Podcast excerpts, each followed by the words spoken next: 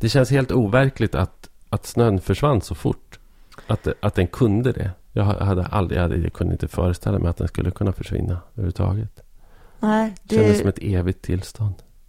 Det är verkligen på något sätt overkligt eh, att se liksom bara asfalt och, och grönt gräs. Nu kan jag ju säga att den har ju inte helt försvunnit i Sundsvall då. Nej, hur är det med ett fjäll? Eh, det håller ju då på att förvandlas till ett grustag. Eller ja, du vet. Ja, ja, för det är all gru, allt grus alltså, som följde med. Så mycket skit i det där berget alltså. Ja. Det, det, kommer ju inte att försvinna snön heller. Det är ju väldigt kom, kompakt.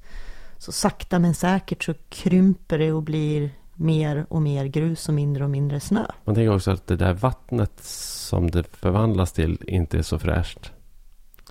Eh, nej, men så är det väl med alla snöhögar överallt? Eller? Ja, jo, i och för sig. Ja, kanske. Har ni haft översvämningar? Eh, inte, inte några akuta direkta. Jag tror det har varit värre i Hälsingland. Här var det verkligen, när man tittade ut över dalen här så var det som att bo vid havet.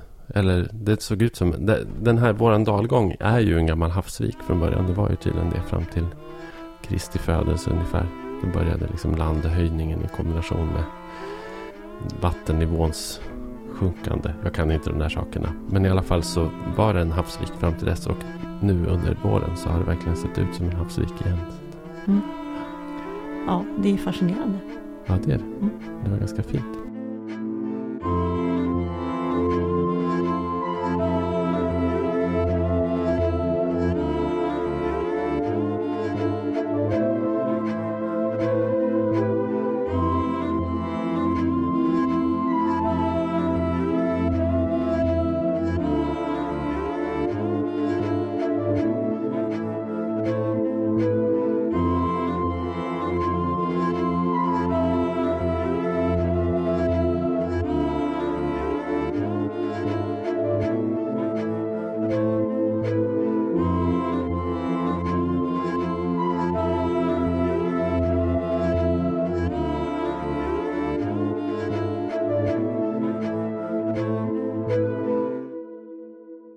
Välkomna till Norrlandspodden. Eh, vi är tillbaka igen. Eh, sporadiskt. Och vi har en gäst igen. Eh, våra nya grej att ha gäst. Det är mm. Mats Jonsson. Hej Mats. Hej. Hej Mats och hej Po. Jag är hej. också här. Hej Sofia. Välkommen hit Mats. Tack så mycket. Ja. Det är fantastiskt att vara här måste jag säga. Mm, fantastiskt att ha dig här. Tack. Ja, du är ju en turnerande eh, serietecknare. Tänkte vi skulle prata mer om det. Mm, jo, jag har känt mig rätt mycket som någon slags gårdfarihandlare på mm. senare tid. Mm. Trivs du med det? Ja, problemet är väl att jag trivs lite för bra med det. Ja. Just det här att vara resande författare är ju ganska ensamt. Det är ju inte direkt som att man har bandmedlemmar och roddare man slår sönder hotellrum ihop med. Utan det är mer att man sitter där ensam på pizzerian i Sveg klockan 20.30 och inte riktigt vet vart man ska ta vägen. Och instagrammar en bild och, på en öl. Ja, och, du, och, du, säger detta efter att nyss ha sagt att du tycker om det mer än Ja, jo, det är ju det att jag känner att det inte är bra för mig i längden. Men jag trivs väldigt bra i stunden när det är sådär. Ja. Men är det just de där, ja. Men du, du har ju inte bil och körkort. Så du reser med bussar och tåg och... Ja, ja, precis. Jag, jag har faktiskt påbörjat men inte avslutat någon slags uträkning av hur många mil jag rest med de olika färdmedlen. Ja. Och ja, så jag vet inte än, men det är i alla fall jag tog hur långt jag åkt med tunnelbana först. Samt hur långt jag har gått. Ja. För att det var enklast att räkna ut. Ja. Men eh, nej, det är att jag har ju... Måste säga att jag har haft en sån oerhörd tur. För att första gigget jag hade, det var i Övik i januari. Då var tåget försenat. Och jag kom en kvart för sent till mitt eget uppträdande. Och det, var ju, det gick ju helt okej okay förstås. Ja. Men då tänkte jag, är det så här det ska vara nu? Men det var enda gången jag blev försenad. Mm. Annars har bussar och tåg bara flutit fantastiskt. Och denna snörika vinter dessutom. Mm. Jag tror att det är lättare för mig att bli försenad som alltid åker bil. Att det liksom är... Man är optimist och mm man, man har inte tagit höjd för saker. Liksom, och, Och sen så slutar det med att man får panikköra eller köra lite för mm. fort. Och det är en ganska... Och så kommer man fram så här uppvarvad. Så jag har tänkt på det där. För jag åker ju också med, med kommunala affärer. Eller liksom kollektivtrafik ofta också. Och det är en annan känsla. Det blir ju mycket mm. lugnare på det mm. sättet. Jag är ju lite tidsfascist. Så jag ser ju också till att ha väldiga, väldiga tidsmarginaler. Alltså mm. även om jag åker tåg. Eh, att ha ett par timmars spelrum. Mm. Eh, ja. Mm. Nej, det, det är egentligen jag också. Men det är just det där att sen i och med att jag dels har försökt, ja, försökt flyga så lite som möjligt och försökt få så mycket tid hemma med familjen som möjligt. Så det har blivit mycket det där att ja, men nu måste jag ta 06.22 tåget från Stockholm. Och, ja, just det. Och då... Istället för att åka dagen innan. Ja, och, precis. Och jag, tänk, jag tänkte att vi skulle ändå introducera mm, här. Det är bra. Våra lyssnare. Eh, du är ju på turné och du är serietecknare. Och det du är ute och pratar om, det är ju alltså din serieroman som kom i fjol, Nya Norrland. Just det. Ja, som vi har nämnt här i podden tidigare. Men så att alla har helt klart för sig eh, vilken Mats Jonsson vi har här i studion. Jag på något sätt att alla lyssnare var med i det här, vår bubbla. Jag tycker vardagsrum. inte Men det, man det ska räkna med det, det faktiskt. Jag tycker inte man ska räkna med det. Nej. Uh, mm, det är ja. bra. Mm. Uh, och... Uh, Hur gammal är du Mats? Jag är 45 år gammal. Mm. Och du är född i Bollstabruk? Nej, det är faktiskt nej, det är inte. inte. Du är uppvuxen i Bollstabruk. Du är ja. född i Stockholm? Ja, Södertälje är jag född i faktiskt. Mina föräldrar var ju en del av 60-talets eh, deporteringar. Och flyttade från Norrbotten till eh, Salem i Stockholms län. Mm. Och där föddes jag. Och så kort efter att jag föddes så fick de nog och kände att deras barn skulle inte behöva växa upp utan snö på en innergård i Salem. Och så fick de jobb då i Bollstabruk utanför Kramfors. Hur har du förhållit dig till det beslutet genom åren? Jag har väl egentligen aldrig kritiserat dem för det. Utan det är också väldigt mycket att man vet, man vet ju inte hur det skulle ha blivit. Det är klart att jag ibland så här på, inte minst på högstadiet, kunde jag ju fantisera lite grann om en tillvaro där jag så här hade så här, typ kompisar i schackklubben eller något sånt när jag bodde i Stockholm. men men det, det har bara varit verkligen små fantasier. Jag, ja. Och som vuxen känner jag också verkligen att jag är djupt tacksam för att för ja. att de flyttade. Och sen kan jag också tänka mig, jag har ju träffat dina föräldrar, jag kan ju också tänka mig att de hade inte mått bra i längden av att bo i Salem. Nej, att, nej. Att, att de är ju så himla mycket Norrlands inland-människor. Ja. Nej, men de hade nog vissnat bort där, ja. det tror jag. Den här boken, då, Nya Norrland, handlar ju om detta. Eh, det handlar om din uppväxt, den handlar om dina föräldrars beslut att flytta. Mm. Och där då din pappa utbrister att du slipper bli stockholmare. Typ. Precis. Ja. Eh, och sen så handlar det om din uppväxt och till slut så hamnar ju du i Stockholm ändå. Mm. Flyttade ganska omgående efter gymnasiet. Först till Sundsvall och sen till Stockholm. Mm. Och eh, i den här boken så så läser i varje fall jag en väldig hatkärlek till Stockholm. Du är otroligt kritisk mot alltså allt ifrån trängseln till bostadsmarknaden, skolvalet, allt är en enda stor marknad. Du beskriver även hipsterkulturen som någonting väldigt artificiellt. Eh, och, och, och, där kan jag läsa en sån här längtan tillbaka. Ja. Eller, eller eller vad är det här uttryck för? Jag vet inte riktigt vad det är uttryck för. Det är väl just det här med det här liksom hipsterhånandet. Det handlar väldigt mycket om någon slags här släkten är värst. Att ur någon annan persons synvinkel så är jag en patetisk hipster.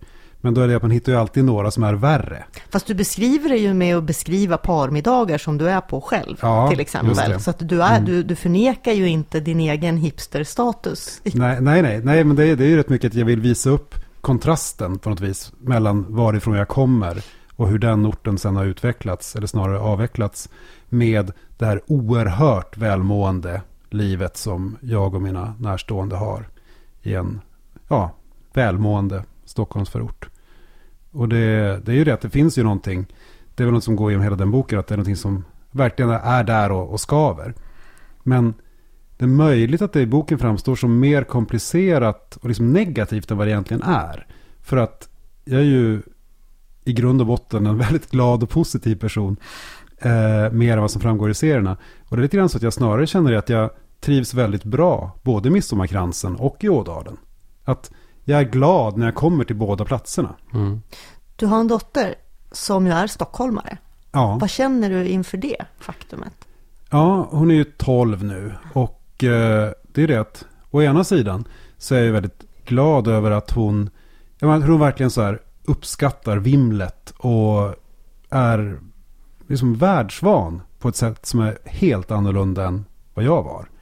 Och nej att hon, ja men, hon, varje dag ser hon alla möjliga sorters människor och det är inget konstigt. Men samtidigt så är det ju det att jag har ju genom åren stört mig väldigt mycket på mina kompisar som är infödda stockholmare. Och framförallt sådana som är stockholmare sedan flera generationer tillbaka. Mm. Som ju är så okunniga och ointresserade av resten av Sverige.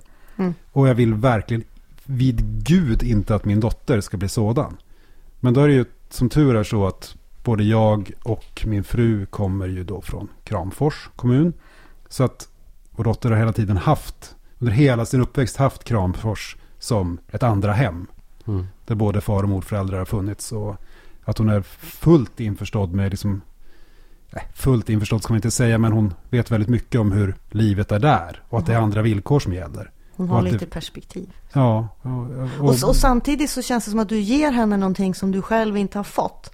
Eh, jag, tillåt mig att läsa högt ett litet stycke som jag tyckte var jätte, jättefint. Kanske för att jag identifierar mig otroligt eh, mycket. Eh, det, handlar, det, det, handlar om avundsjuka. under under 20 år som förlagsarbetare har jag varit på Augustgalan en gång. Det jag minns är vinnaren av Lilla Augustpriset. En ung person som valpigt och stjärnögt satt på scenen medan resten av priserna delades ut.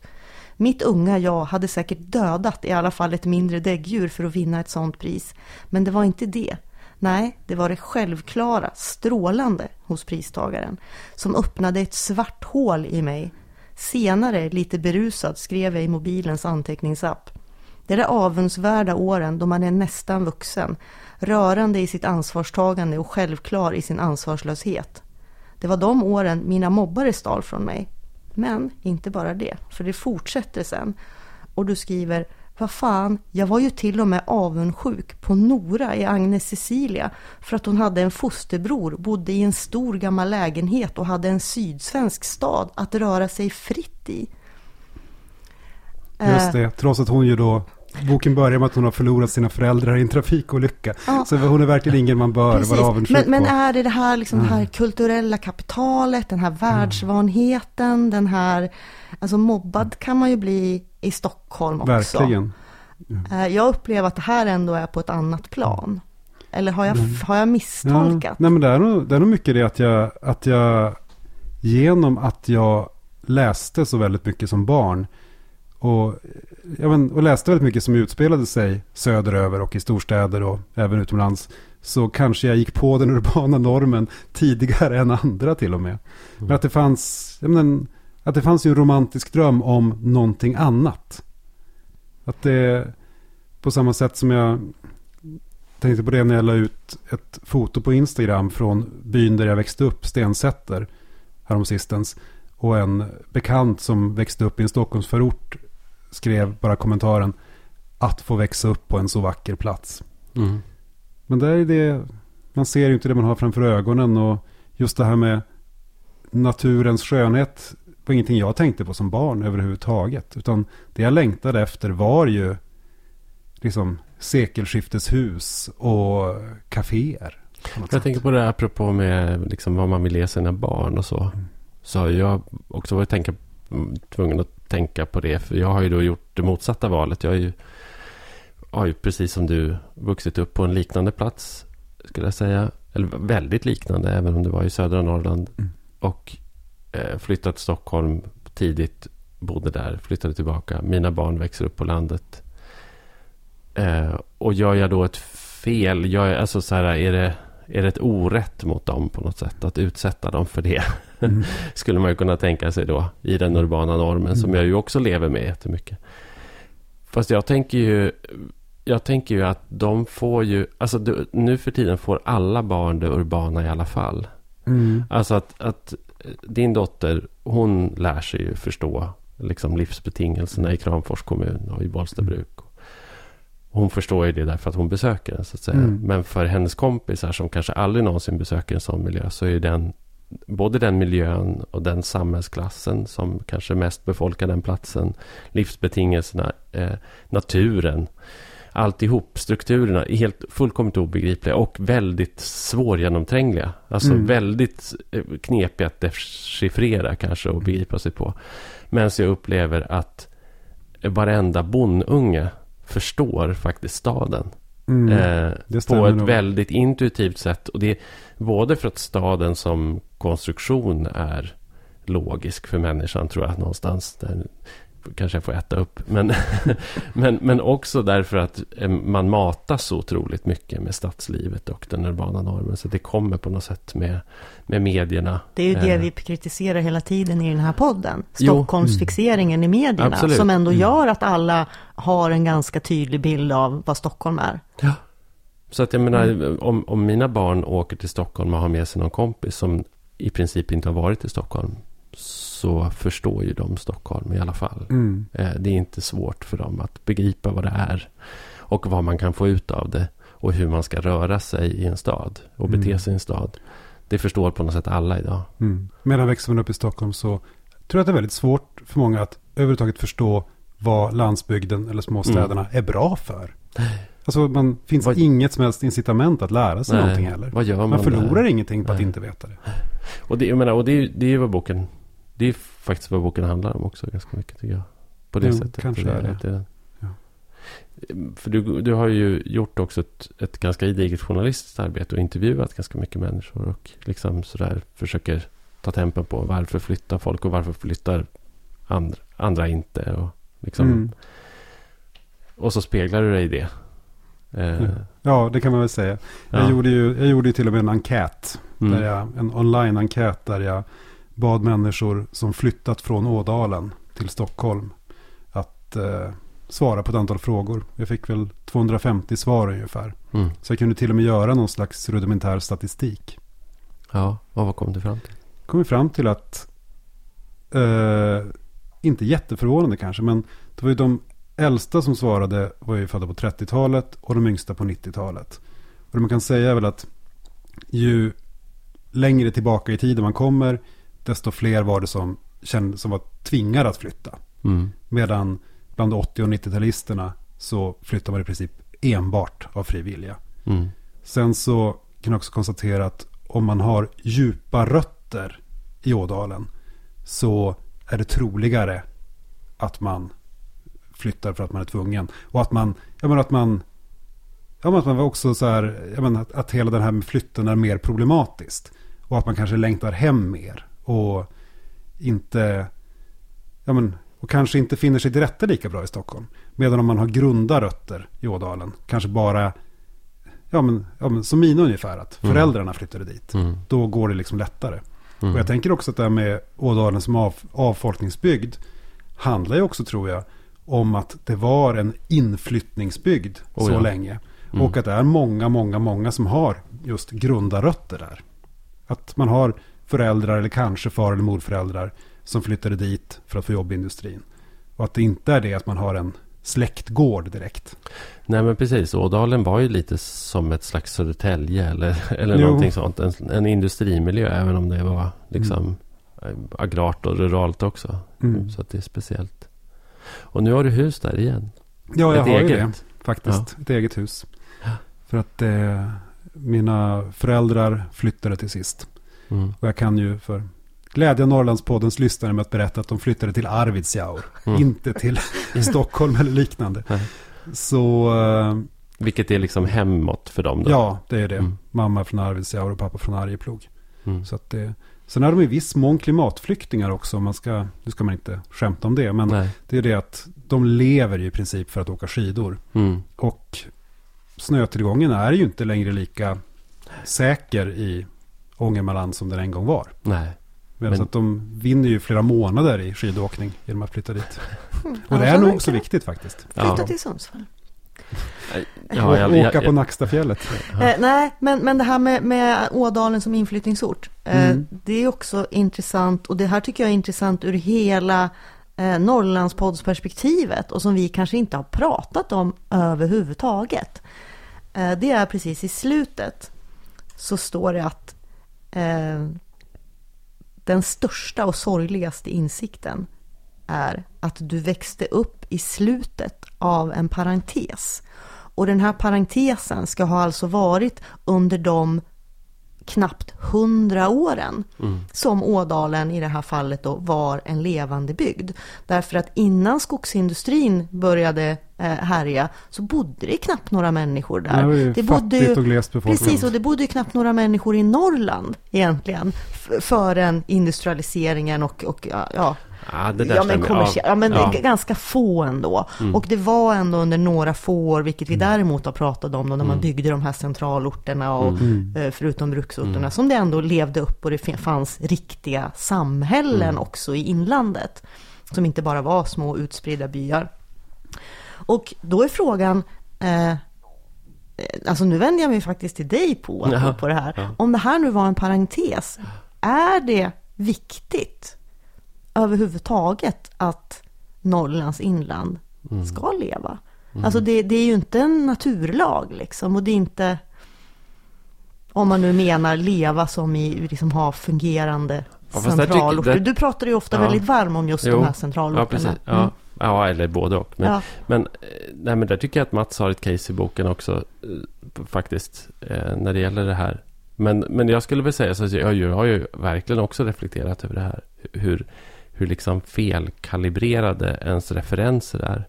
Därför att man liksom associerar tillbaka då till liksom, jag, menar, jag, jag har en sån där äh, minne, sommarminne som har etsat sig fast. Eh, genomfartsgatan i Ramsele, alltså typ så här sommaren 76. Eh, äh, kaféer med uteserveringar, människor som flanerar, turister som åker alla nordiska flaggor som hänger i, i flaggstängerna. Eh, glass och värme och rörelse. Och liksom, alltså det finns, det, alltså, det, det, det är mera liksom, eh, alltså som man tänker sig en, en italiensk by. Mm. Eller sådär, eh, någonstans i Rimini eller någonting. Alltså så, alltså mm. ett sånt minne. Men, men det är verkligt. Jag har och, och, exakt likadana ja. minnen. Exakt den här dagen du beskriver ja. om har jag upplevt på 70-talet i både då Vilhelmina och mm. Junsele. Mm. Ja, precis. Och det är ju helt overkligt ja. om man åker förbi. Men det är ju inte många år när det var sådana dagar. Alltså det, det ska man ju komma mm. ihåg. Så, att, så att på sätt och vis är det ju så. Men då till, och, men bara för att bara för att det där var en peak eller för att det där var en epok där vi byggde upp någonting. Alltså vi byggde upp det därför att vi hade resurser på plats. Eh, och som också beskattades på plats och som gjorde människor rika på plats eller gjorde platsen rik. Och det var därför vi hade ett incitament att bygga upp de här platserna. Det var därför vi hade råd att bygga upp de här platserna på det sättet som man gjorde. Grejen är att hela den produktionsapparaten är fortfarande intakt alla de pengarna som produceras är fortfarande intakta och i många fall ännu större. Men inte arbetstillfällena? Men inte arbetstillfällena och inte eh, beskattningsrätten. Och eh, pengarna hamnar någon annanstans. Därför att förädlingskedjan ser annorlunda ut. Och synen på värdeskapande ser annorlunda ut. Så att, och, och det är det som är liksom... Det, alltså det är där det resonemanget haltar. Att man, att man skulle kunna då anföra någon typ av bara evolutionär teori på detta. Som att ja, ja, saker och ting dyker upp och sen försvinner de och så. Men, men det dök upp därför att vi hade resurser. Och det försvann därför att vi tog bort resurserna och därmed förändrade livsbetingelserna från de här platserna. Så det, det jag, skulle inte, jag skulle inte säga att det är resultatet av en social dynamisk utveckling utan det handlar istället om marknaden. Fast jag måste ändå få komma med en liten invändning här. Okej, jag, jag köper beskrivningen av, eller jag vet inte ens om jag gör det. Det byggdes upp därför att det fanns arbetstillfällen. Därför att det behövdes väldigt många människor mm. för att jobba i skogen och gruvorna och, och med vattenkraften. Eh, det, därför byggdes de här samhällena ja. upp och man flyttade dit för att det mm. fanns mm. arbetstillfällen. Och eh, jag skulle säga att nu finns ju inte de längre på grund av ja. automatisering ja. av de här industrierna. Absolut. Och då är min fråga, ska man då konstruera hittepåjobb? Ska de här människorna eh, få pengar? Alltså från... Nej, inte de människorna Sofia. Alltså, men vad man däremot skulle kunna göra är ju att man skulle ju kunna bevara då eh, liksom välfärden och eh, rikedomen och attraktiviteten i de här lokalsamhällena. Vilket då öppnar upp för eh, en annan, alltså de här platserna har ju berövats möjligheten att transformeras till kunskapsekonomier Därför den, den möjligheten har bara tillfallit eh, förtätade urbana miljöer. Det är bara större platser som har förärats den möjligheten att, att liksom följa med sin tid och förvandlas. De här platserna har inte fått göra det. Det hade de kunnat få göra och det, och det skulle man fortfarande skulle kunna göra det genom att tillföra resurser eller behålla resurser på platsen. Nu måste vi släppa in Mats mm, Han är vår gäst här. Precis. ja, det, det är också någonting jag har funderat väldigt mycket över. Och jag känner väl det att man måste väl någonstans landa i vad är det folk vill? Vill, vill mm. folk bo, bo på de här platserna? Så tycker ju jag att man åtminstone bör ge dem möjligheten att ge dem en rättvis chans att göra det. Och jag tror att det, för mig är det det det hamnar på. En rättvis chans helt enkelt. Och det och tycker du, Vad det här är en retorisk fråga, men ja. tycker du att de har fått en rättvis chans? Nej, jag tycker inte det. Och frågan är om inte till och med nått en punkt när för många platser börjar bli för sent. Mm. Till och med. Att, det, att man måste just gå in och börja konstruera saker. Vilket om man hade gått in för 20 år sedan eller någonting, eller ännu tidigare, mm. så hade det inte hade man inte behövt konstruera, det hade kunnat bli en mer naturlig övergång till en annan sorts ekonomi. Mm. Men nu vet jag inte längre. Det, då hamnar man ju lätt i de här mer eller mindre fåfänga turistprojekten ja, och sådana saker. Eller ja, då blir det här pratet om bidrag och allmosor och konstruktioner. Mm. Och det här är onaturligt. Eller vi ska inte gå emot utvecklingen. Mm. Och, eh, och så. Men ja, nej, jag tycker att du visar det. Du har ju räknat på det också. Mm. Jag menar, det är ju en sak som du driver ganska hårt mm. i boken också. Hur liksom, lokalsamhället har blivit av med mervärdet ja. i, i den här produktionen. Jo, liksom. jo, visst. Och det jag tycker är, nu är det det som min far sa när jag började arbeta med det här projektet. Sa han att alltså, det är en himla tur att du växte upp just i Bollsta.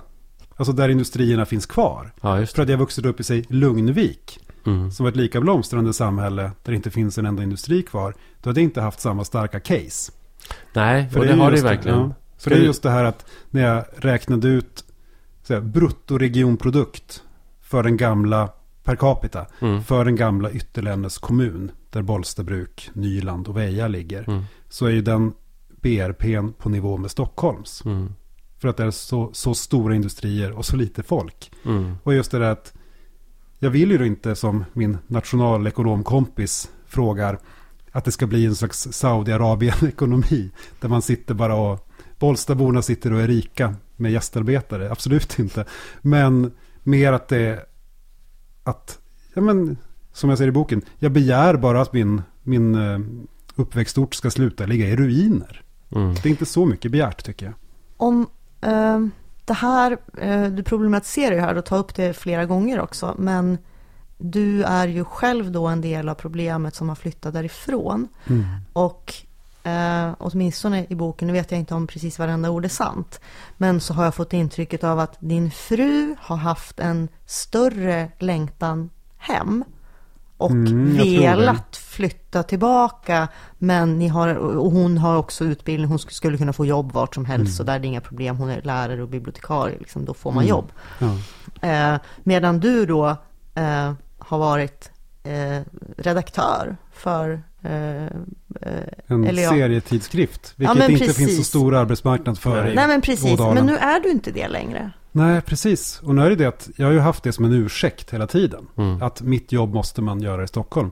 Men nu är det också det att så som situationen är så skulle vi kunna sälja vår bostadsrätt. Och då skulle jag utan problem kunna leva på min konst. Finns, alltså, finns inga problem med det. Så den ursäkten är borta nu. Eh, det här är som en pågående diskussion vi har haft i de snart 20 år vi har varit tillsammans. Mm. Att vi liksom har liksom dragit och det är inte så att hon har verkligen sagt nu flyttar vi. Och jag har liksom satt mig emot. det är mer att vi har diskuterat fram och tillbaka hela tiden. Ganska mycket som någon slags, tänker jag, säkerhetsventil också. När vi har varit less på vår vardag mm. i Stockholm. Vilket man absolut kan bli. Men nu är det faktiskt så att då har mina föräldrar flyttat. Min svärmor håller på att flytta. Och eh, vi bestämde oss då för att köpa ett litet hus vid Ångermanälven. Som vi då ska ha som sommarstuga. Men det går att bo där året runt. Det är ett litet hus men det är väldigt fint och bra. En bakväg. Ja, precis. Och då... Man kanske vi, inte behöver bestämma sig. Nej, eh, saken var den. Att vi efter att ha firat nyår där. Och det ändå var mitt i smällkalla, snöigaste vintern.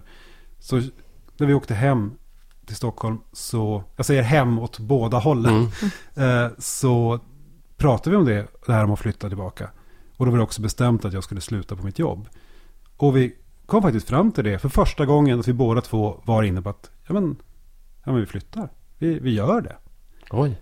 Men sen några dagar senare kom vår dotter hem från Kramfors och eh, sa nej.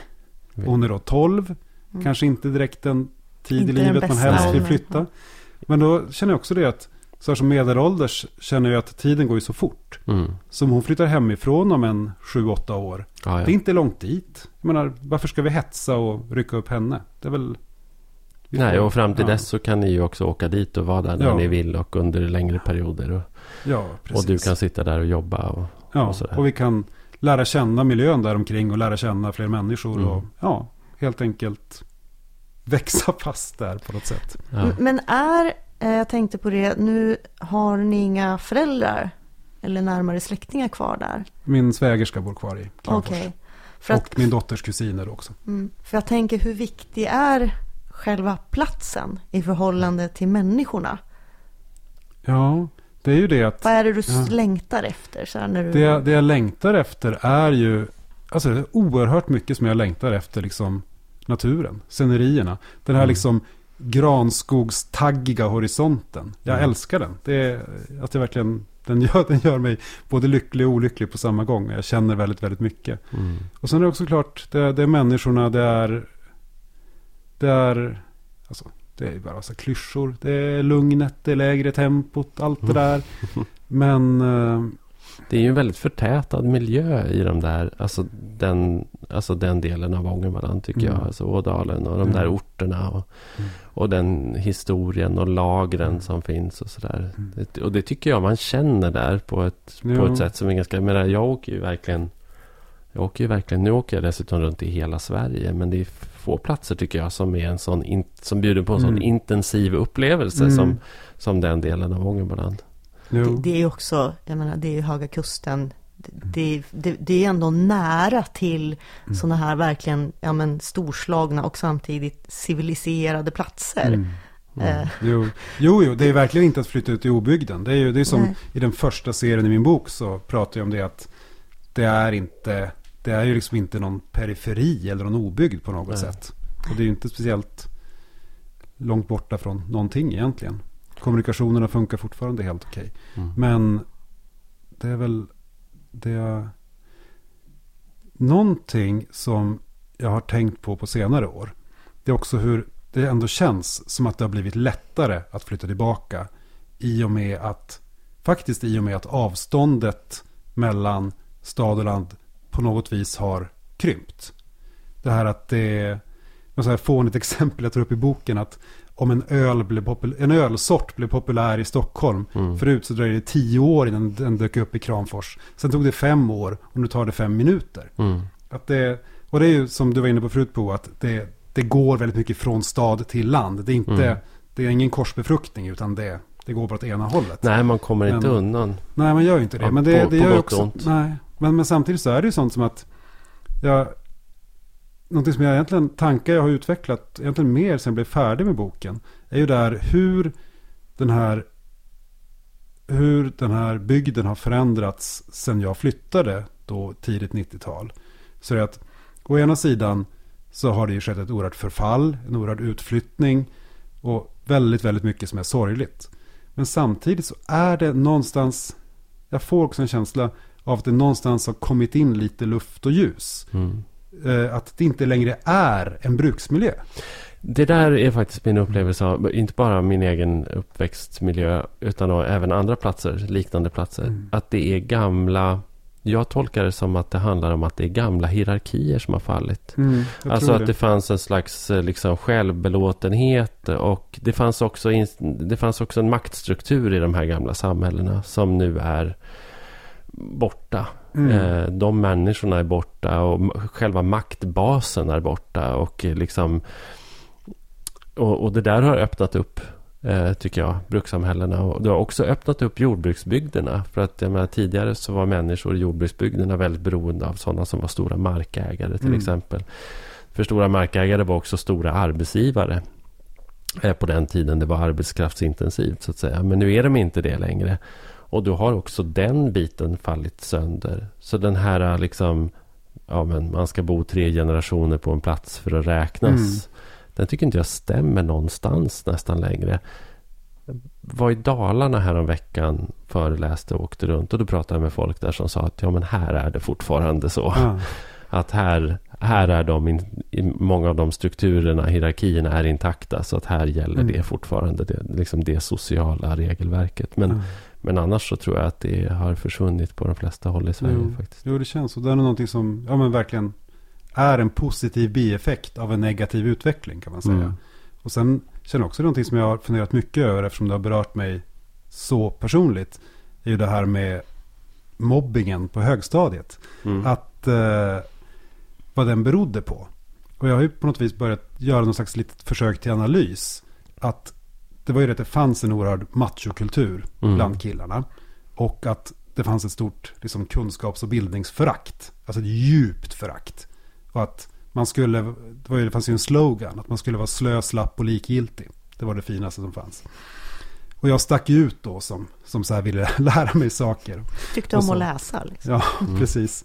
Och, då, och jag tänker mig om det här skulle kunna vara en, i viss mån faktiskt, en slaggprodukt av arbetarrörelsens framgångar. Att det är del å ena sidan det klassiska brukssamhället att man får alltid jobb på bruket. Mm. Så man behöver inte utbilda sig. Eh, och sen också att, inte minst menar, med det historiska arv Ådalen har burit på. Att man dessutom hade ett ja, men misstänksamhet och förakt mot överheten. Mm. Ett hat till och med, ganska ofta. Som ja, men, som blev med åren liksom lite vagt. Det där vad den där överheten var. Mm. Och att då kunde det räcka med att eh, prata lite mindre dialekt och läsa för mycket böcker. Då kunde det nästan, att man det på något vis signalerade den här överheten. Mm. Och att då, att man, ja men då, då skulle man slås ner på. Jag vet inte, det här är som saker jag funderar, jag inte funderat klart på. Men det känns som att det här är sönderslaget nu. Och på gott och på ont. Och just det här mm. fallet på gott. Mm. Ja, jag. jag tror också det. Mm.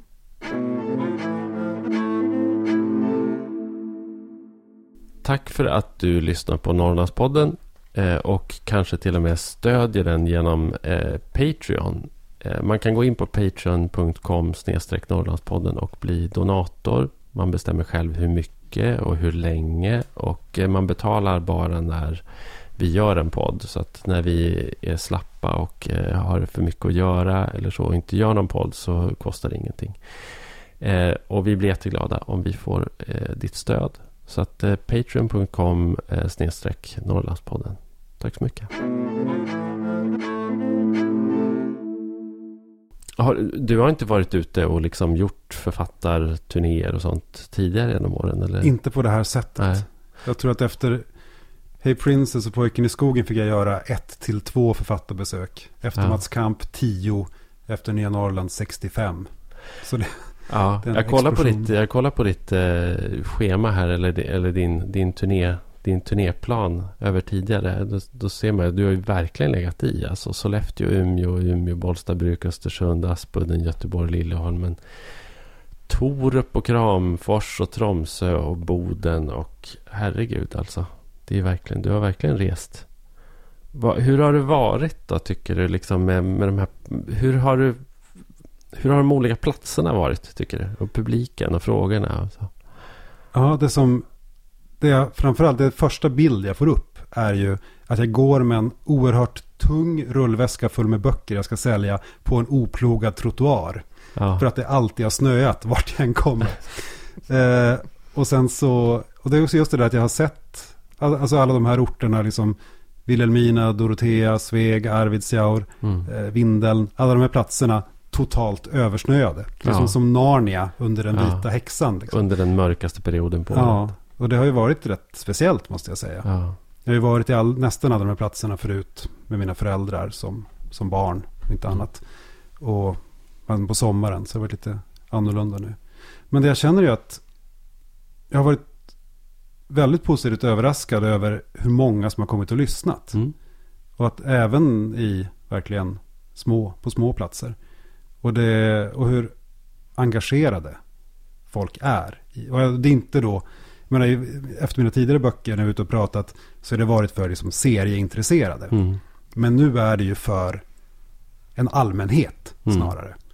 Mm. Det är alltid några seriefans, men mestadels så är det ju sådana som är intresserade av ämnet för min bok. Mm. Och de har jag märkt också även så fascinerande när jag har varit söderöver. Att var jag än har varit så är det ju folk från den ångermanländska diasporan ja, som, som kommer. Och är jätteintresserade och tagit med sina släktingar och så här. Ja. Och, det, att det är, och vill men, berätta var de har vuxit upp. Ja, precis. Och det, och det, är mycket där. Ja, jag flyttade från Bollstabruk 1958. Ja. Men ja, jag har inte varit där sedan 70-talet. Det verkar ju inte så bra nu. Och, ja. Men att de ändå, ändå är intresserade. Det känns som att det... Bara det faktum att de fick veta att den här boken om Bollstabruk fanns väckte någonting. Det slog mm. om något relä i hjärnan på mm. en del människor. Mm. Vad känner du att din berättelse bidrar med då? Jag tror väl att det är det jag känner för liksom Bollstabruk och de som bor där nu. Och ja, även folk i andra liknande orter är ju att jag vet, någon slags upprättelse. Att faktiskt bli sedd och tagen på allvar. Och att det, sen har jag ju, jag har ju, jag menar bitvis så är det liksom satirisk och hånfull i det jag gör. Men mm. inte mot Bollstabruk i den här boken. Det, det går liksom inte. Nej. Och det, nej men jag tror att, jag, jag tycker att folk är väldigt, väldigt, väldigt positiva. Hur har det varit just i Bollstabruk? Ja, det var ju fantastiskt. Jag hade releasefest eh, på Folkets hus. Och det var mycket som hände då. Det var intresseföreningens tioårsjubileum. Bensinmacken öppnade. Det var liksom rea på diesel. Nylands järn spelade. Det var mycket som hände. Men eh, jag, jag sålde ju över 200 exemplar av boken. Oj. På, på en timme. Hur många bor i Bollstabruk? Ja, det är väl, totalt är det väl 1800. Inklusive mm. förorterna. Men eh, sen var det också, också fint och lite närmast så här bisarrt var ju när jag, så här, ja, jag, jag pratade så här tio minuter på, på scen om min bok. Och sen så kom ju då intresseföreningens ordförande som då är med i boken också som seriefigur. Mm. Och eh, så här, gav, mig en, gav mig en present och sa att ja, jo, jag vet ju att du har så här, känt dåligt samvete gentemot Bollsta och så här för att du har flyttat och inte alltid talat så väl om orten. Men nu ska du veta att det, det är inga problem längre. Jag fick som syndernas förlåtelse på scen. Det var, ja. det var, det var väldigt fint. Det antydde också att det hade varit problem. Ja, ja, kanske mm. lite. Ja, mm. det hade man nog haft känslor om. Jo, ja. förmodligen. Nej, men annars är det turnerandet så det är ju... Jag, inte, jag har känt att jag, inte, jag har liksom inte processat det här än. Nej. Det här med att det verkligen ändå känns som att jag har fått någon slags fördjup... Jag håller på att få någon slags fördjupad bild av, av, uh, av Sverige. Ja. Och, att det, och av det är okej att säga ja. det. Mm. Jag tycker också det. Ja. Jag tycker det är vad turnéerna gör faktiskt. Ja. Och just det här, att möta människor på olika platser. Och höra vad de pratar om och inte pratar Precis. om. Och, liksom ja. det... och just att det, och så saker som återkommer mm. på olika platser. Mm. Och det, det även vad, är det som, vad är det som återkommer när du möter människor? Ja. Det har ju blivit för jävligt. Nej, inte så. Nej, inte så. Men det är att framförallt tänker på något som inte återkommer. Om man ser till, till äh, säga, den politiska debatten idag och vad den mm. framförallt handlar om. Så har jag eh, hört extremt lite prat om eh, migrationsfrågorna. Ja, nej, och, inte jag heller. Nej, nej. Det är, alltså, vare sig från, från etniska svenskar eller nysvenskar. In, ja, det, Nej. det, det är liksom en icke-fråga. Ja, jag, jag skulle säga att i den mån det är en fråga så är, så är det så att de flesta vill ha fler invandrare.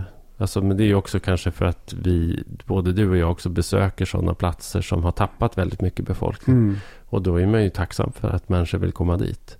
Och sen blir man ju i regel ganska ledsen också när jag menar alla de som kom under 2015, 2016 till de här platserna. De är ju borta nu nästan alla. Det är mm. ytterst få som har liksom fått eller kunnat stanna kvar på de här mindre orterna. Och, eh, och det tycker jag att, med, att det är rätt uppenbart att folk sörjer det. Här, ja. Och att de tittar tillbaka och pratar om de där två åren som ja, men då hände det grejer och det blev en mobilisering och det uppstod nya kontaktytor. Och det var liksom viktigt. Och man fick också ett hopp om att man kanske skulle kunna lösa den här kompetensförsörjningen i, i äldreomsorgen på sikt. Liksom, mm. Om de här personerna ja. stannar kvar. Jo, som är ens... Alltså sen bara så här liksom individuella ödena. Som gärna mm. som mannen som öppnade skomakeri i Bollstabruk. Men inte fick stanna. Mm. Och mannen som blev konditor i Kramfors och gjorde så goda bakverk som alla gillade så mycket. Men inte fick stanna. Ja. Alltså det, ja, nej, det är verkligen sorgligt. Allt det mm. Vad tycker du att de... Liksom, brukar du få publikfrågor? Ja, ibland. Jag brukar, jag brukar, inte, jag brukar inte be om det, men, men det händer ju. Mm. Och det är ju väldigt mycket att mycket människor som vill berätta sina egna historier. Mm. Att det är att, uh, ja, att det är någonting i det jag har berättat om som har som har väckt någonting. Och så mm. vill de berätta om det. Mm. Det är väl att det är någonting du berättar som också får dem att känna sig bekräftade. Och ja. känna att nu är det någon som faktiskt lyssnar på mig eller vill lyssna. Mm. Jo, Kanske. jag tror det. Mm. Sen också ganska många jag har pratat med som är eh, återvändare också. Ja, just det. Att det. Och jag tror att, och att de gärna också vill, vill få ut det att det är möjligt att göra det. Mm. Och att de verkar väldigt nöjda med det. Mm. Alla jag pratat med. Också. Har det fått dig att titta på Stockholm på ett annat sätt? Hmm, bra fråga. Efter, ja, efter en ja. vecka i Västerbottens inland liksom, och när ja. tåget rullar in och du går i gången där och ska ner i tunnelbanan. Ja, jag, är ju, jag har alltid varit kluven så det är inte de första åren då jag bara positiv. Men, men eh, nej, jag vet inte om jag blivit så... Det är väl snarare det att jag har börjat att en av de här tankarna som har kommit under de här månaderna är ju en känsla av hur skört allting är.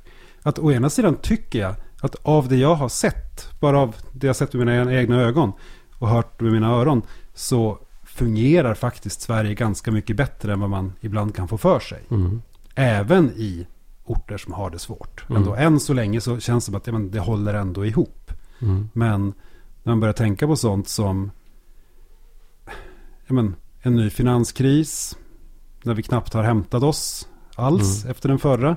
Eller för den delen bara en rejäl räntehöjning. Vad mm. som händer då. Att så mycket av, man tänker då på de större städerna. Regionala centrum som mm. Umeå eller Sundsvall eller Skellefteå eller eh, Norrköping eller Halmstad. Just att där är det många jag pratar med som pratar om hur mycket, det, hur mycket det har hänt de senaste tio åren. Och vilken utveckling det är. Och att befolkningen ökar och det byggs och det är eh, massor med satsningar hit och dit. Mm. Och, men att det här känns ju väldigt... Jag tycker att så mycket av det här känns skört. Mm. Att det är så mycket av de här, de här liksom nyöppnade barberarsalongerna, mm. fina restaurangerna. Att det är liksom ett litet stycke Södermalm i varje svensk större landsortsstad. Mm. Men att det känns som att allt det här kan krascha så fruktansvärt snabbt. Samtidigt som det som har motståndskraft mot konjunkturens svängningar, alltså föreningsliv, civilsamhället, folkrörelser på något vis känns ändå går på sparlåga ganska mycket. Mm. Men, men krävs det inte också någon form av reell krissituation eller stort problem för att de här folkrörelserna ska på något sätt mobilisera och, och få kraft att sätta igång. Eh, jag har tänkt på det som en förklaring alltså över hela Sverige och politiken och sådär när det pratas så mycket om att det är färre som engagerar sig politiskt och unga engagerar sig inte och sådär. Men det kanske helt enkelt är att vi har det fortfarande förhållandevis väldigt bra i det här landet och i Sverige. Eh, jag menar alltså att, att människor inte har någon personlig anledning att engagera sig jättehårt i, i en folkrörelse eller sådär. Nej, jag är väl ganska mycket inne på också att man inte ska det. Alltså har jag börjat känna. Oj. Mm. Ja, nej, men jag har tänkt på sista tiden har jag tänkt ganska mycket på varför jag gör det jag gör. Vad, vad, är, det, vad är det som driver mig? Vad, vad, vad är det jag vill uppnå? Och då har jag kommit på att för min egen del jag tror ganska mycket på den, den här teorin om statsindividualismen. Känner ni till den? Alltså den, den lanserades väl brett i, i Lars Trädgårds och Henrik Bergens bok Är svensken människa? Eh, och vad de gjorde var ju att de vände på den här idén om Sverige som ett väldigt kollektivistiskt land. Och svenskarna som ett väldigt kollektivistiskt folk. Alltså organiserade i folkrörelser. Solidariska. Sådär. Och vad de hävdade istället var ju att nej, vi är i själva verket ett extremt individualistiskt land. Och vi har byggt en väldigt stark stat och en väldigt stark välfärd. Just för att kunna vara autonoma i förhållande till varandra. Ja, men så är det ju. Men, självklart. Ja, men... Och jag, och jag, jag är verkligen... Jag känner att det här, det här träffar rätt i vem jag är. Ja, mm. och det tror jag många känner sig hemma i. Erik Andini eh, gjorde ju en film, den här eh, Swedish Theory of Love, där han lanserade det här som, som liksom en skapelse i någon slags socialdemokratiskt laboratorium på 50-talet, som liksom för att skapa en ny människa. Alltså, jag tror inte att det är så. Jag tror, att det, jag tror snarare att statsindividualismen faktiskt är resultatet av vilka vi är som, som svenskar. Mm. Det är en del av vår folksjäl.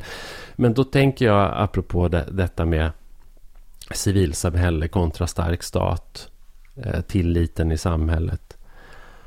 Att det jag vill och det jag vill kämpa för, det är att statsindividualismen även ska inbegripa landsbygden. Att även på landsbygden så ska man kunna få leva som en medborgare, en autonom individ utan att behöva gå ihop med sina grannar för att gräva bredband, ordna sin vård, starta föräldrakooperativ eh, eller på annat sätt liksom, eller ta hand om äldre. Utan även på landsbygden så ska man kunna få leva som den här liksom, svenska individen. Eh, det är en ganska ny tanke, men, men jag, jag har kommit på att jag drivs ganska mycket om det, där, av det. Och jag blir ganska provocerad av att landsbygden ofta kidnappas i debatten som någon slags så här, fin plats där mm. civilsamhället har överlevt. Mm. Till skillnad då från de här liksom förtappade, mm. urbana, moderna ja, miljöerna. Fast, fast jag, alltså där håller jag väl inte heller helt med om att det bara skulle vara på landsbygden då som civilsamhället fungerar. Och då tänker jag inte minst på senare år, jag tänker på flyktingströmmarna som kom 2015. Jag menar, vart mobiliserade civilsamhället? Jo, det var ju i de stora städerna. Och dit. på landsbygden jo, jättemycket. Jo, men precis i början här. Det var ju ändå, ja men det var överallt, men det var också verkligen i städer. Mm. Eh, och... Fast det och, hör ju till och, undantagen.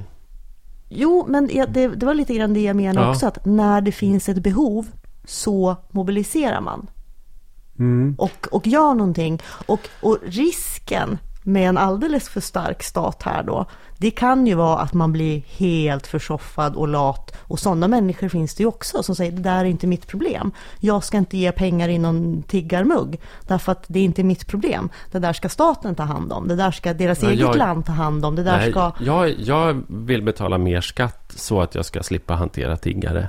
Det tror jag är den svenska modellen faktiskt. Det tror jag är jättemycket. Den mycket bättre. Och jag förstår inte varför det inte Fast dyker upp i debatten. Jag tror att det är väldigt många som tänker att jag vill inte betala en krona i skatt till de där rumänska tiggarna? Det tror inte jag. Jag tror inte den, den, eh, det förslaget har inte lagt fram. Om man skulle ställa det förslaget mot att förbjuda tiggarna Eh, att man istället så här, får bort tiggarna genom att lösa det genom ett, liksom ett, eh, ja, genom, på skattsedeln. Det tycker jag, det tycker ja, jag Nu känns det som, som det blev lite, lite mycket här. Men jag tror, jag tror att du har fel. Men vi ska okay. kanske inte börja men, ja, lösa tiggeriproblemet. Men när det gäller lands, om vi ska återkoppla till, till mm. Norrland och landsbygden då. Så, så skulle jag väl säga att, att eh, det som jag tycker är menar, å ena sidan väldigt fint när man reser runt. Det är att man märker att ja, det finns folkrörelser. Man, och jag har just gjort en, eh, eller håller på med en Folkets hus-turné. Och det är ju verkligen sådär liksom rakt in i folkhem-Sverige. Det är ju helt underbart att vara i.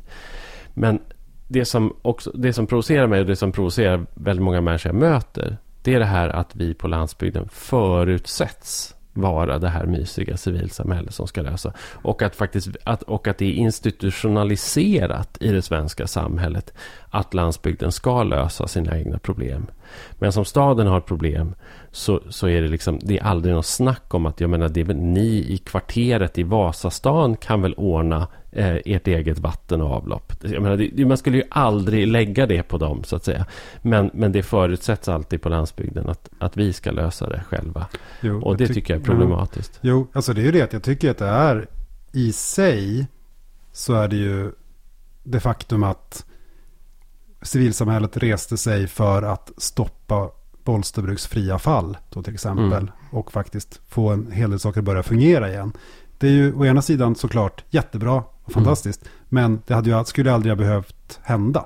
Nej. För att det föreningsliv som jag tänker på är ju snarare det jag minns från min barndom. Som inte handlar om att göra kommunens jobb. Utan, eller att hålla på och tjata på Trafikverket Nej. i åratal tills de löser in några hus och river dem. Utan det handlade ju om att ungarna skulle få spela fotboll och komma ut i skogen och lära sig om djur och natur. Mulleskolan. Ja, mm. precis. Det är som det, är det föreningslivet mm. jag känner. Visst, klart fotbollsklubben finns kvar. Men att ändå det, det, är mycket som har försvunnit där. Och det och där, jag vet inte, jag vill dra någon slags koppling där till marknadifieringen. Att man behöver inte den sortens föreningsliv lika mycket. Därför att det finns ett större kommersiellt utbud. Mm. Och det, ja, sen får inte tala om eh, tv och längre fram internet och allt det här som har liksom försoffat oss. Men eh, jag vet inte vart jag vill komma riktigt här. Men... jag tror jag förstår ändå vad du menar. Är det någonting du vill... Eh, jag tänker vi kanske ska börja avrunda. Är det mm. någonting som du känner att du vill berätta? Vi sa innan Sofia att vi skulle prata om Sundsvall. Men nu ja. kanske det kommer in ja, helt, ja. kanske det kommer in helt från Nej, vi tar, här. vi tar en, en avslutande liten, det, det litet snack om Sundsvall. Därför att eh, du eh, gjorde en mellanlandning i Sundsvall. Eh, du flyttade från Bollstabruk till Sundsvall där du gick skola. Och sen så fortsatte du eh, till Stockholm. Sundsvall är ju också en sån ort dit många flyttar flyttar från just, just Kramfors mm. och Sollefteå, Härnösand, Övik. För att det är liksom den större staden i regionen. Eh, och du var där, eh, hur länge bodde du där? Tre år. Tre år. Du gick journalistutbildningen ja. på universitetet. Mm. Vad känner du för Sundsvall? Och, och innan du svarar så ska vi säga att jag och Po har ju pratat en hel del om Sundsvalls här särställning i Norrland. Mm. Som ganska hatad. Den känns liksom inte, den är inte tillräckligt norrländsk. Den har ingen själ, mm. ingen identitet. Känner du igen det? Nej, inte riktigt. För att från början så älskade jag ju Sundsvall. Just för att det var den närmaste större staden. Dit man åkte Först som barn för att handla i roligare butiker. Och sen gå på konserter på Pipeline, köpa skivor, allt det här. Mm. Det var oerhört positivt laddat. Så att, att jag kom in på Journalisthögskolan där, det var ju mitt förstahandsval. Jag hade kanske kommit in i Stockholm eller Göteborg, men jag sökte inte ens dit. Jag sökte Sundsvall, för jag mm. ville bo i Sundsvall. Men... Eh, det, vilka, vilka, år var det här? Det var, det var länge sedan, det var 92 till 95. Ja. Var det vad var det då? Var det någon slags indie eller got? Ja. 92 till 95. Ja, ja. Var du indie? Ja, det var ju, ja, det började ju bli, det var ju sån där, ja men det, det var ju, började ju liksom in det var ju liksom ja. Popsicle och, och sånt som ja. kom till Pipeline. Ja. 92 va, då spelade Popsicle på Pipeline. Mm. Minns jag mycket tydligt. I mm. december 92 tror jag. Mm. ja, det, ja, var precis när de hade gett ut Läcker. Precis, ah, så var det. det. Eh, bodde du på Dalgatan? Det gjorde jag. Förrådet. Mm. Nej, är, men, det, är det ja. studentbostäder? Ja, mm. precis. Jag var den första som bodde i min, mitt studentrum. Jag räknade ut det, för jag såg en bild i, i boken här som ah. jag såg. Ja, men där är ju mm. de där husen. Jaha, mm. så de var helt nybyggda? Ja, det var det. Mm. Oerhört fräscht. Men, men du, du, du, fly, du drog ändå därifrån? Jo. Du kände inte att du ville stanna där, utan du, du, tre år räckte? Ja, det var väl det att jag ville till, jag hade gjort min praktik på DN och då bott ett halvår i Stockholm och kände att där fanns ju mitt folk. Alltså serie, mm. seriemupparna.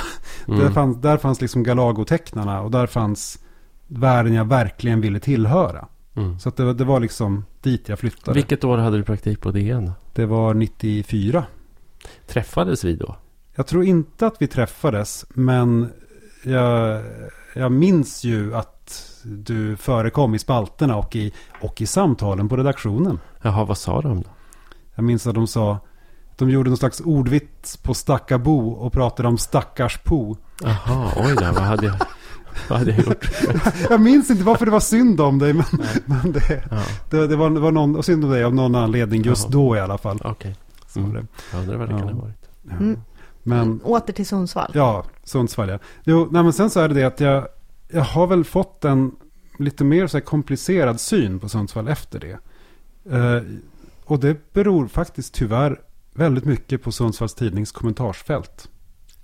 Oj, på st.nu? Ja. De kommentarsfälten som alltså är borttagna ja, nu precis. sedan länge. Men du var så inne började, där, började, du var inne där och läste. Men du var inne där ja, och läste var alltså? Jo, jo, och vad var... var det som var så beklämmande med just det här kommentarsfältet? Nej, men att det var en extremt tråkig attityd tycker jag. Framförallt gentemot allt som något överhuvudtaget andades kultur. Jag minns det var ett antal år där var ganska mycket för att man skulle bygga ett nytt kulturhus, bygga ny teater och sådana Det var ett bråk. Ska ja. vi bygga äventyrsbad eller ja. scenhus? Och, mm. och så kunde och, det vara och så här. det blev äventyrsbad. Mm. Ja. Och det kunde ju bli så, kunde vara så här 200 kommentarer. Det som var så kulturfientliga så att jag höll på att smälla av. Att det verkligen var där. Dels såklart den eviga vård, skola, omsorg, vård, skola, omsorg, vård, skola, omsorg. Det är allt skattepengarna ska gå till. Ingenting annat. Och sen det här vill man gå på teater kan man åka till Stockholm. Alltså, och sen så på något vis så kopplar jag också ihop det här sen med annat jag läst om. När, det var, alltså, var en sån sak som när Claes Olsson eh, flyttade till, alltså City-Claes Olsson flyttade från det gamla Dagbladet-huset in i gallerian. In i gallerian. Och det var sån jädra liv om det här med parkeringar. De klagar mm. på parkeringar mm. hela tiden. Mm. Att, att Ja, gå in på st.nu, nu ska du få se, det är fortfarande parkeringar de råkar om. Att det, det är så här, man ska mm. köra bil och man ska hata kultur. Alltså, ja. uppenbarligen är det ingen plats för mig. Jag säger inte emot, tyvärr. Alltså, och det här låter ju... Nu, nu... Det får jag, jag bara står och njuter. Nej, men, men alltså, jag, jag bor ju i Sundsvall. Jag har bott där hela mitt liv. Jag, jag tycker om Sundsvall, jag trivs där, vilket ju då måste sägas beror på helt andra saker än kulturutbudet. Mm. Um, och, och det beror på helt andra saker än, än eventuella shopping och parkeringsmöjligheter. Mm. Uh, där jag ju till och med driver på, på ledarsidan tesen att vi måste bygga en modern stad för framtiden och då är det inte bilar och affärer, liksom. Mm. det är inte bilar och butiker vi ska ha utan vi ska ha människor och, mm. och mötesplatser, alltså mm. lite så. Mm. Mm. Och det är ju inte populärt eh, i, i den här stan. Men, men sen så finns det ju, som tur är, människor som trots allt då väljer att stanna mm. i Sundsvall. Och det finns ju jätteengagerade människor som försöker få kultur att hända. Det finns fortfarande, alltså Pipeline finns ju kvar. Mm. Det är en av de gamla liksom, föreningarna från vad hette det, kontaktnätens tid som faktiskt fortfarande är kvar, som fortfarande har massa konserter. Så jag tror fortfarande att folk åker dit från Granfors och mm. Bollstabruk för mm. att gå på konserter för att det är, det händer saker sådär. Så att så att jag kan inte dissa hela Sundsvall. Det finns fortfarande liksom både eldsjälar och ja, men andra som ändå försöker göra de här sakerna och åstadkomma mm. kultur och som försöker cykla liksom. Uh, fastän det är en bilstad. Mm. Uh, ja, det är ju men, Sveriges Los Angeles. ja, ja, men jag förstår, jag, alltså, jag förstår ju ändå vad du menar. Mm. Uh, alltså detta sagt från en grundinställning som är kärlek. Mm. Så är det, det är så att jag känner mig så här jag, jag känner mig missförstådd av Sundsvall. Trots mm. att, alltså inte jag personligen, men jag känner att sånt som jag står för och tycker om mm. Uh, uppskattas inte av Men så känner ju jag med fast jag bor där. Mm. Jag känner mig missförstådd av Sundsvall. Mm. Jag bor ändå kvar. Det kanske är, det kanske är något så här machosistiskt drag hos mig eller någonting. Men... är det rubriken på den här på Missförstådd av Sundsvall?